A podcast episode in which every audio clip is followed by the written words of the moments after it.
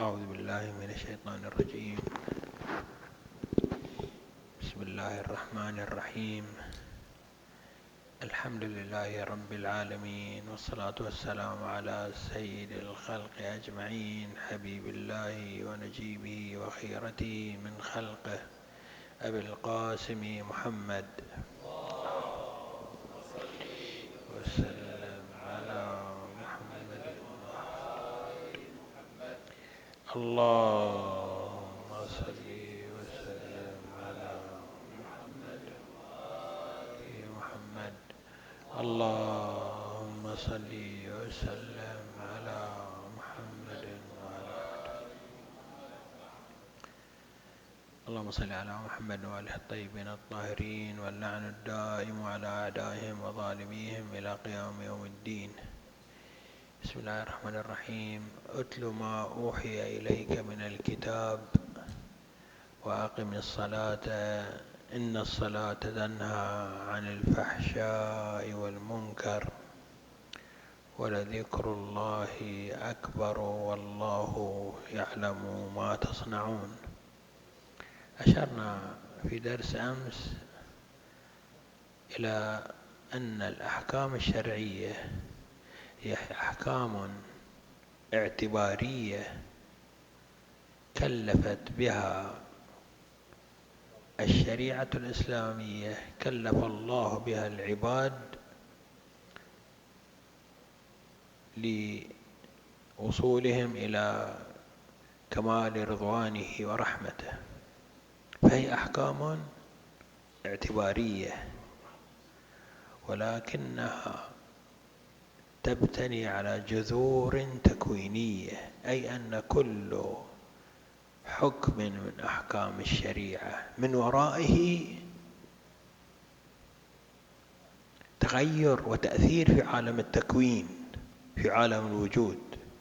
ولعلنا نشير إلى إشارة سريعة ومختصرة إلى المدارس العلمية التي تنير قلوبنا في فهم هذه الحقيقة. هذه مسألة في غاية الأهمية في منتهى الأهمية أن ندرك أن لأعمالنا الشرعية التي نمارسها تأثير في عالم التكوين في عالم الوجود.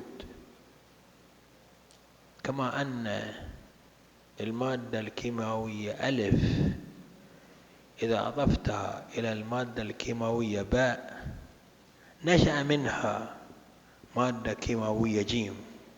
بلا تخلف ولا تردد عالم التكوين ليس هناك مجال للتسامح فيه أو أنه مرة دون مرة.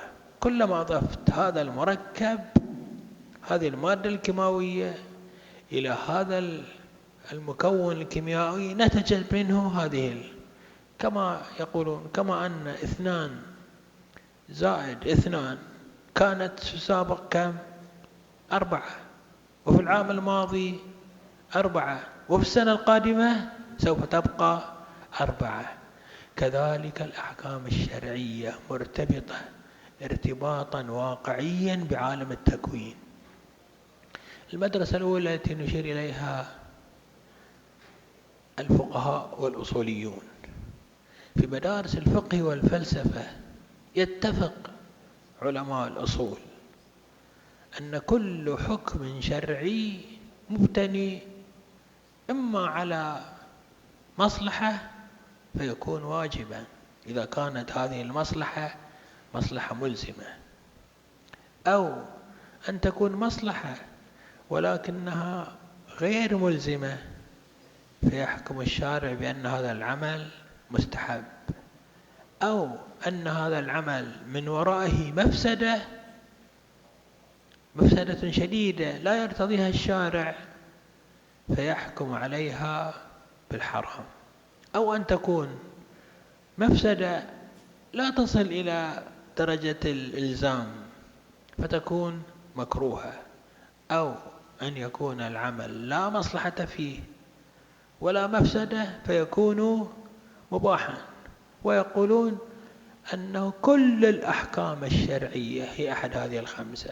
إما من ورائها مصلحة ملزمة أو مصلحة أقل إلزاما أو مفسدة ملزمة أو مفسدة أقل إلزاما أو لا مصلحة ولا مفسدة. فيبنون على أن من خلف من وراء كل حكم شرعي في داخله مصلحة أو مفسدة بحسبها يكون واجبا فيوجبه الشارع المقدس.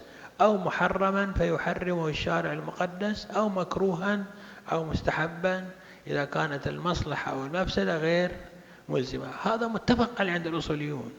وليس عندنا حكم شرعي بالوجوب ليس وراءه مصلحة أو بالحرمة ليس وراءه مفسدة. هذا هو النهج الأصولي في فهم العلاقة بين الأحكام الشرعية وما وراءها من الملاكات المدرسة الفلسفية. في الفلسفة يقولون بأن النفس النفس هي جوهر سيال. ما المقصود جوهر سيال يعني نحن نرى زيد قبل في بداية في نشأة عمره. هذا هو زيد.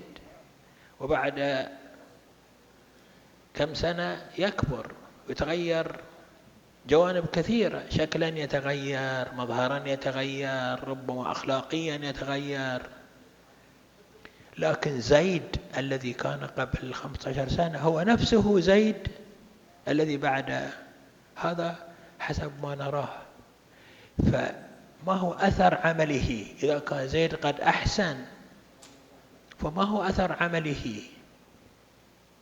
حسب الظاهر عمله كما نراه وأثر العمر والسنين أثر ظاهري عرضي يعني يتغير شكله يتغير لونه يتغير لكن زيد هو زيد.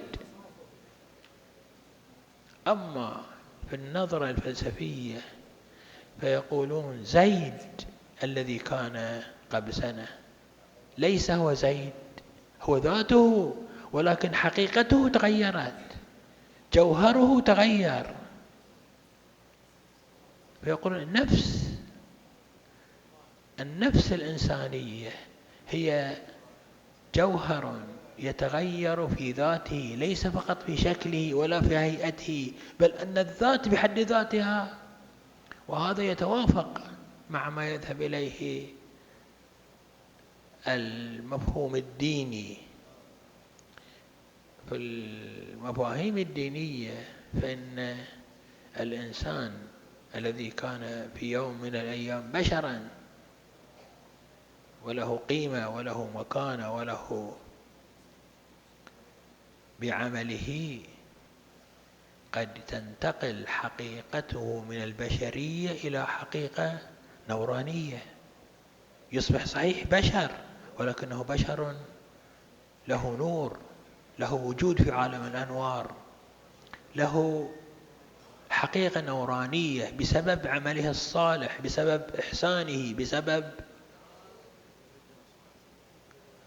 فما كنا نعتقد أنه تغير في الشكل ولا نرى إلا التغير الشكلي فلأن نظرنا محدود لأن إحاطتنا بوجوده محدودة. أما لو كشفت عن أبصارنا حجب النظرة حجب التي تحجبها عن معرفة الحقيقة لرأنا لرأينا أن ذلك الذي كان في ذلك اليوم بشرا أصبح اليوم نورا. أصبح إشعاعا أصبح حالة نورانية مرتبطة متعلقة بالكمال. أو لا سمح الله زيد الذي كان قبل كم سنة إنسانا بسوء عمله أصبح اليوم ذئبا عقربا حيا. نفس عمله حوله من ذات إنسانية إلى حيوان مفترس إلى ضبع إلى ذئب إلى فعمل الإنسان تأثيره في حقيقته أبعد مما نراه وأبعد مما نتصوره. وإذا أردنا أن نعبر عن هذه المسألة بمعادلة رياضية كما هو في عالم العلوم التكوينية والفيزياء وال فأنت أيها الإنسان أنت يا أحمد أنت يا سعيد. زائد صلاتك إحنا حديثنا سينصب حول الصلاة. حول تأثير الصلاة بوجود الإنسان. ينتج منها كما يعبرون أحمد زائدا صلاة ينتج منها أحمد آخر غير أحمد الذي كان قبل الصلاة. إذا أنت أديت الصلاة التي جاءت بها الرسالة السماوية التي سنها المصطفى صلى الله عليه وآله صلوات الله وسلامه عليه. فأنت يا أحمد الذي دخلت في المعادلة. بحقيقة أنت أصبحت أحمد ذو حقيقة أخرى مختلفة كما والعياذ بالله إذا أساء الإنسان. فزيد الذي كان في بداية المعادلة حينما يسرق حينما يغتاب حينما فإنه يخرج لنا زيد آخر والعياذ بالله. لو كشف عن أبصارنا العقاب لرأيناه يشع نيرانا يشع وكذلك إذا هو أصلح في عمله. نكتفي المقدار وصلى الله على محمد وآله الطيبين الأطهار.